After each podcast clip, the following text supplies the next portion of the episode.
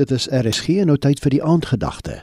Die aandgedagte vanaand word behartig deur Johannes de Wit van die Volle Evangelie Kerk Lofdal Pretoria Noord.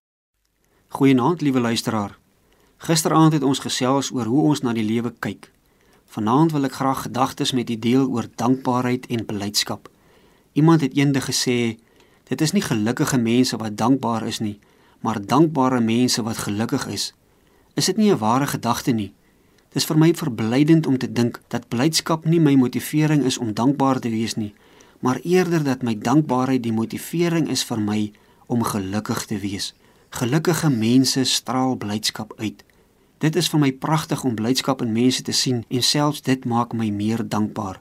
Dankbaar teenoor die Here om sulke mense te ken en in my vriendekring te kan hê. Dit is aansteeklik en spoor my aan om te fokus daarop om gelukkig te wees.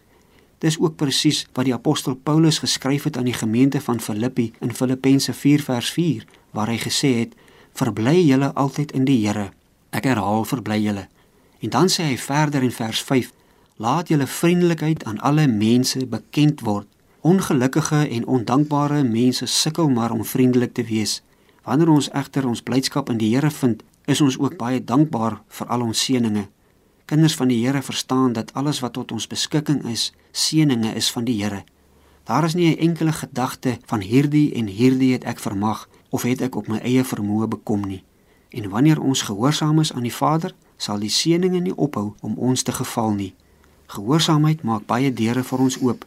Nie net in die Vader verbly oor sy kinders se gehoorsaamheid nie, maar die Heilige Gees maak seker dat ons weet dat die seëninge wat ons ontvang is as gevolg van ons gehoorsaamheid en dit weer maak my as sy kind baie dankbaar teenoor die Here.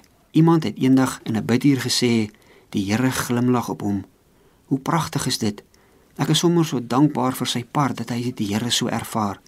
Vir my en vir hom het dit so 'n stukkie van die heerlikheid van die Here gebring. Liewe luisteraar, daar is niks so wonderlik soos die heerlikheid van die Here nie. Sy teenwoordigheid in sy kinders se lewe is kosbaar en bring groot vreugde.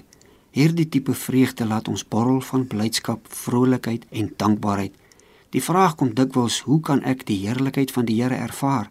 Want ek honger na hierdie tipe van vreugde en onverklaarbare dankbaarheid. Die antwoord is in 'n verhouding met die Vader. Kom ons bid saam. Vader, dankie vir u onbeskryflike heerlikheid wat ons lewens volmaak maak. Amen. Die aandgedagte hier op RSG is aangebied deur Johannes de Wit van die Volle Evangelie Kerk Lofdal Pretoria Noord.